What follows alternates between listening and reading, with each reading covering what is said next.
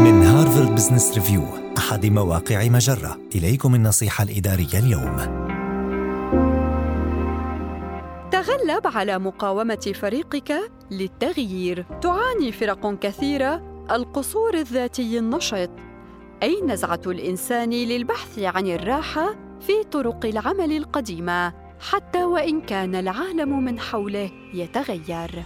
ولمساعدة موظفيك على الارتقاء إلى مستوى الضرورات الحالية نقترح أسلوبين. أولاً، أسلوب الخطوة الأولى.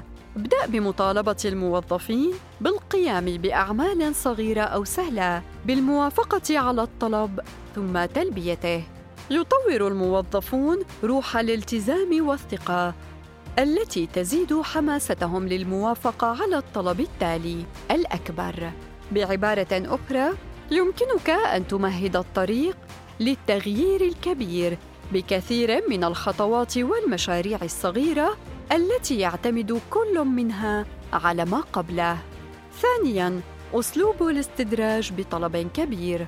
اطلب من موظفيك القيام بعمل متطلب بدرجة أكبر مما تفكر فيه بالفعل. تكمن الفكرة في أنك عندما تحدد طموحات تبدو صعبة جدا. ستدفع الموظفين إلى العمل وحل المشكلات بفاعلية وعلى مستوى أعلى مما يبدو لهم قابلا للتحقيق عادة. يحث هذا الأسلوب الموظفين عادة على تخيل الابتكارات أو الحلول البديلة التي لم تكن ستخطر لهم في أساليب العمل المعتادة. هذه النصيحة من مقال كيف تقنع فريقك؟